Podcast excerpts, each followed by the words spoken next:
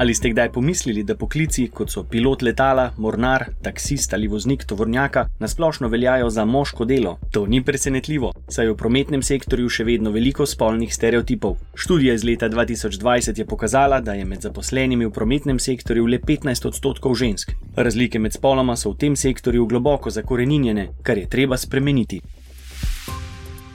Poslušate program Novi izzivi, boljša zakonodaja. Tokrat bomo govorili o tem, kako si Evropski parlament prizadeva za enakost spolov v prometnem sektorju.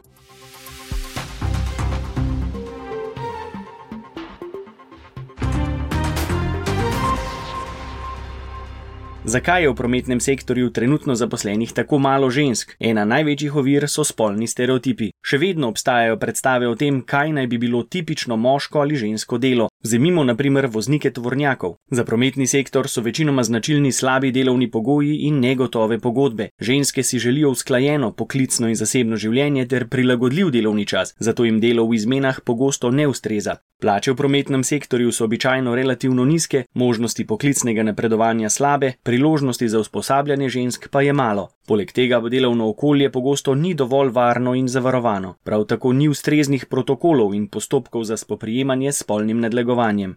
Študija iz leta 2021, ki jo je naročil Evropski parlament, je pokazala, da žensk zaposlitev v prometnem sektorju večinoma ne zanima. Gre za zelo pereče vprašanje, saj je pandemija COVID-19 le še poslabšala že tako vse večje pomankanje delovne sile v prometnem sektorju v Uniji. Druga študija iz leta 2021 je pokazala, da v Evropski uniji trenutno primankuje približno 400 tisoč voznikov tovornjakov, kar je zelo zaskrbljujoče. Voznikov avtobusov in tovornjakov primankuje tudi drugot po svetu. Ugotovitve kažejo, da pomankanje delavcev vpliva zlasti na sektor cestnega prometa, kar bi lahko povzročilo dvig cen prevoza.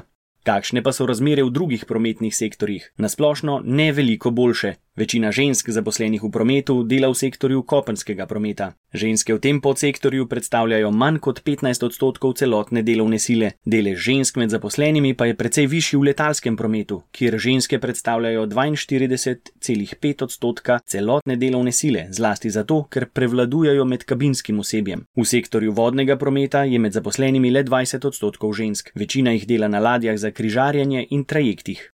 V nekaterih od teh sektorjev se delež žensk spreminja. Zadnji podatki celo kažejo na rahel porast. To je sicer obetavno, a seveda premalo. Kaj pa lahko storimo na evropski ravni, da bi bilo razmerje med moškimi in ženskami bolj uravnoteženo? Politike na področju zaposlovanja so v pristojnosti posameznih držav članic, Evropska unija pa lahko nacionalne ukrepe dopolnjuje. Kot primer lahko navedemo pobudo Evropske komisije Ženske v prometu, platforma Evropske unije za spremembe iz leta 2017. Platforma služi kot forum za razpravo o ustreznih ukrepih in izmenjavo primerov dobre prakse za spodbujanje zaposlovanja žensk v prometu in zagotavljanje enakih možnosti za ženske in moške v prometnem sektorju. Komisija pa je predlagala nova pravila o usklajevanju poklicnega in zasebnega življenja ter o prožnih ureditvah dela. Ukrepi so zasnovani tako, da bodo pozitivno vplivali na dostop žensk do plačane zaposlitve ter omogočili bolj enakopravno delitev varstva otrok med moškimi in ženskami. Evropska komisija je v svoji strategiji za enakost spolov iz leta 2020 potrdila, da je treba vidik enakosti spolov vključiti v vse politike Evropske unije. Treba je tudi preverjati, ali programi, ki jih financira Unija na področju enakosti spolov, prinašajo ustrezne rezultate. V okviru strategije za trajnostno in pametno mobilnost je komisija predstavila nove priložnosti, povezane z digitalno preobrazbo prometnega sektorja. Med njimi so boljše delovno okolje in bolj kakovostna delovna mesta, ki bi pritegnila ženske. Komisija je obljubila tudi, da bo izdala priporočila za prehod na avtomatizacijo in digitalizacijo. S tem bi ublažila vpliv tega prehoda na celotno delovno silo v prometnem sektorju, zlasti na nizko in srednje kvalificirane delavce, katerih delovna mesta bi lahko bila ogrožena. Marca 2021 je komisija kot odgovor na večkratne pozive Evropskega parlamenta in sveta predlagala direktivo za spodbujanje enakega plačila za enako delo moških in žensk s pomočjo preglednosti plač. Kakšna pa je vloga Evropskega parlamenta? Poslanci se tega problema dobro zavedajo in skušajo na različne načine zmanjšati razlike v plačah med moškimi in ženskami ter odpraviti diskriminacijo na podlagi spola in spolne stereotipe. Leta 2020 je bila spremenjena uredba o prometnem sektorju, v kateri so določene omejitve trajanja vožnje in minimalne zahteve za obdobja počitka. Na pogajanjih o spremembi te uredbe je parlament ustrajal, da je treba voznikom na počivališčih zagotoviti kakovostno in spolu primerno nastanitev z ustreznimi sanitarnimi in spalnimi prostori. Parlament je leta 2020 in 2021 organiziral Evropski teden enakosti spolov, ki je prispeval k opolnomočenju žensk in doseganju enakosti spolov. Prispeval je k boljšemu dojemanju in priznavanju pomena, ki ga ima vključevanje vidika spola v vsa področja politike, tudi v promet.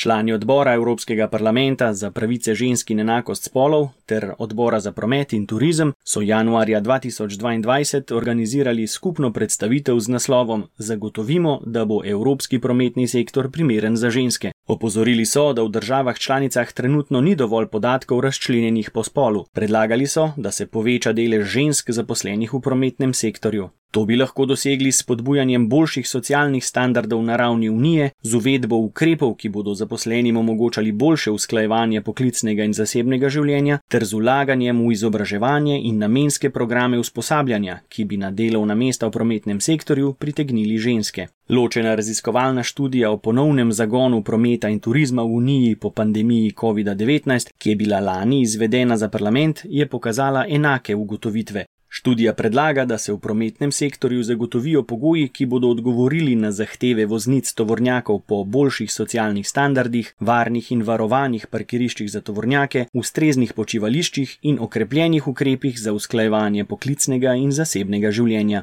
Zadnja leta je vprašanje enakosti spolov, vključno z nizko zastopanostjo žensk v prometnem sektorju, v Evropski uniji deležno vse večje pozornosti.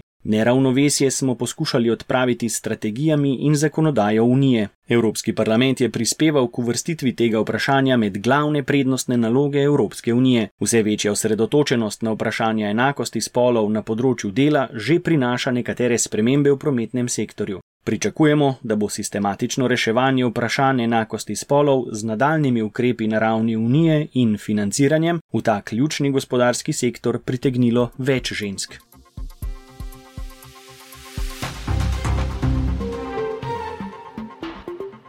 To je bil prispevek Evropskega parlamenta.